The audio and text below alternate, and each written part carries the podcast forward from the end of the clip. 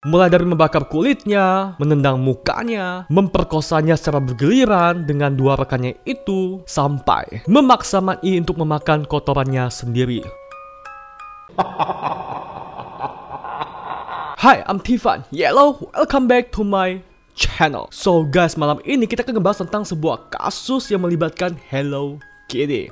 Jadi gimana nih? Ini Hello Kitty yang ngebunuh atau Hello Kitty-nya yang dibunuh? So, sebelum kita bahas pembahasan ini, please klik subscribe dan tanda lonceng sebagai support kamu ke aku agar aku lebih semangat lagi untuk bikin video kualitas dan menghibur. Kalau sudah kita mulai. Satu, dua, tiga. Nah guys, kasus ini itu terkuak setelah ada remaja gadis melaporkan kasus ini ke pihak kepolisian yang ada di Hong Kong setelah dia itu nggak tahan banget digangguin sama hantu karena dia dan komplotannya menyiksa seorang wanita. Dan tentunya ini menjadi salah satu kasus yang paling menghebohkan di Hong Kong bahkan di dunia pada saat itu pada tahun 1999 bulan Mei karena sangat sadis dan mm, gila banget. Jadi guys, sebelum kita bahas kasus ini lebih lanjut, kita bahas dulu siapa sih korban dari pembunuhan Hello Kitty ini. Ya korban dari pembunuhan Hello Kitty ini itu bernama Fan Mai I di orang Hong Kong. Ya dari nama aja kita udah tahu itu nama-nama kayak Cantonese gitu. Dan guys tampaknya masa kecil Fan Mai I ini itu nggak begitu baik soalnya dari kecil itu dia sudah ditinggal sama orang tuanya dan membuat dia harus tinggal bersama seorang wanita. Dan sejak Mai I masih remaja dia itu sudah kecanduan banget sama narkoba sehingga ini membuat dia itu harus bekerja keras untuk mendapatkan uang tapi dengan cara yang gak halal. Ya dia pun menjadi pelacur untuk bisa mendapatkan uang untuk membeli narkoba. Dan di usianya yang ke-23 tahun dia itu sempat menjadi host hostess gitu di bar-bar malam yang ada di Hong Kong. Kalau kamu nggak tahu hostess itu apa, itu kayak cewek seksi yang nemenin orang-orang atau pria-pria yang datang ke bar atau diskotik. Ya, seperti itulah. Man I juga sempat menikah dan memiliki seorang anak pria. Dan kemudian di tahun 1977 saat dia itu lagi nyantai-nyantai di bar malam yang ada di Hong Kong, dia itu ketemu sama seorang pria yang bernama Chan Man Lok. Aduh, nama orang Hong Kong susah-susah banget ya. Kita nama makanan, choi pan, kue tiao, bapau. Nah, si Chan Man Lok ini itu adalah seorang gangster dan pengedar narkoba. Dan mereka pun singkat cerita ngobrol di bar tersebut dan mereka kayak ngerasa wah si Manlok ini kok kayak cocok banget pas ngobrol sama si Man I dan mereka pun melanjutkan hubungan mereka lebih lanjut kayak ya semi-semi pacaran gitu, PDKT-an. Dan memang mereka tuh cocok banget soalnya secara si Man I itu kan seorang yang demen banget sama narkoba, pecandu narkoba dan si Manlok itu adalah pengedar narkoba. Jadi pengedar narkoba ketemu dengan penikmat narkoba. Jadi cocok banget dong. Kemudian guys, awal permasalahan dari kasus yang sadis ini kasus Hello Kitty murder ini itu terjadi pada awal tahun 1999. Yaitu pada suatu hari si Man I itu lagi bener-bener butuh uang banget untuk bisa membeli narkoba dan akhirnya dia kayak gelap mata gitu. Dia ambillah dompet si Manlock secara diam-diam dan dia curi one Manlock sebesar 4000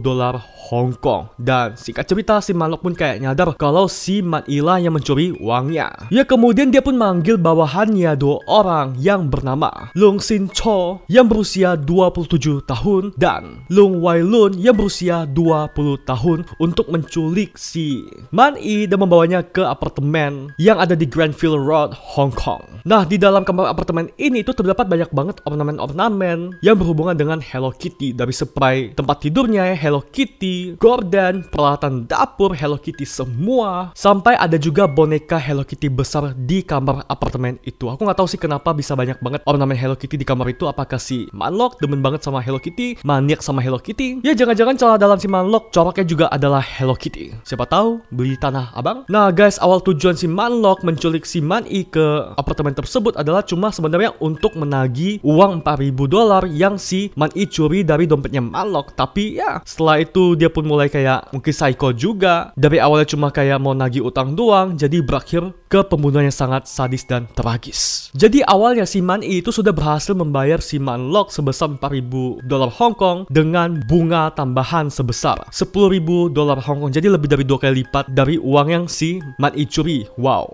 Namun setelah si Man ini udah bayar semuanya sebesar 14.000 dolar Hong Kong, ternyata si Manlock ini emang dasarnya jahat banget, emang pengen nyiksa si Man I. Dia malah memeras Man I lagi untuk menyuruhnya membayar uang sebesar 16.000 dolar Hong Kong lagi. Dan ya otomatis si Man ini pun beberapa bulan, beberapa saat dia berusaha untuk membayar tapi kayak nggak bisa gitu membayar si Manlok karena jumlahnya besar banget. Dan Manlok pun akhirnya memutuskan untuk menyiksa si Man I di kamar apartemen tersebut sampai ia tewas. Jadi disiksa deh tuh si Man I selama satu bulan di kamar tersebut. Mulai dari membakar kulitnya, menendang mukanya, memperkosanya secara bergiliran dengan dua rekannya itu, sampai memaksa Man I untuk memakan kotorannya sendiri. Uh. Nah jadi di awal tadi kan aku sempat bilang kalau ada seorang remaja yang mengungkap kasus ini kepada pihak kepolisian yang ada di Hong Kong yang berusia 14 tahun itu. Nah si remaja ini itu bernama Ah Fong. Nah si Afong sendiri itu sebenarnya kayak pacarnya si Manlock ya. Ya tahu sendiri kalau kamu nonton film gangster-gangster di TV itu kan semakin banyak uang yang mereka punya semakin tenar maka para gangster itu akan memiliki banyak banget pacar ya. Pacar pacar. Dan si Afong pun ceritain lah kepada pihak kepolisian kalau dia itu pernah ngeliat si Manlock nendang kepalanya Mani sampai 50 kali. Wow kepala lu ditendang sekali aja udah bonyok. Ini 50 kali guys. 50 kali. Jadi gua nggak bisa bayangin betapa hancurnya itu kepala ditendang sampai 50 kali. Belum lagi siksaan-siksaan lain dari kayak yang aku bilang tadi, makan kotoran sendiri, diperkosa, ya.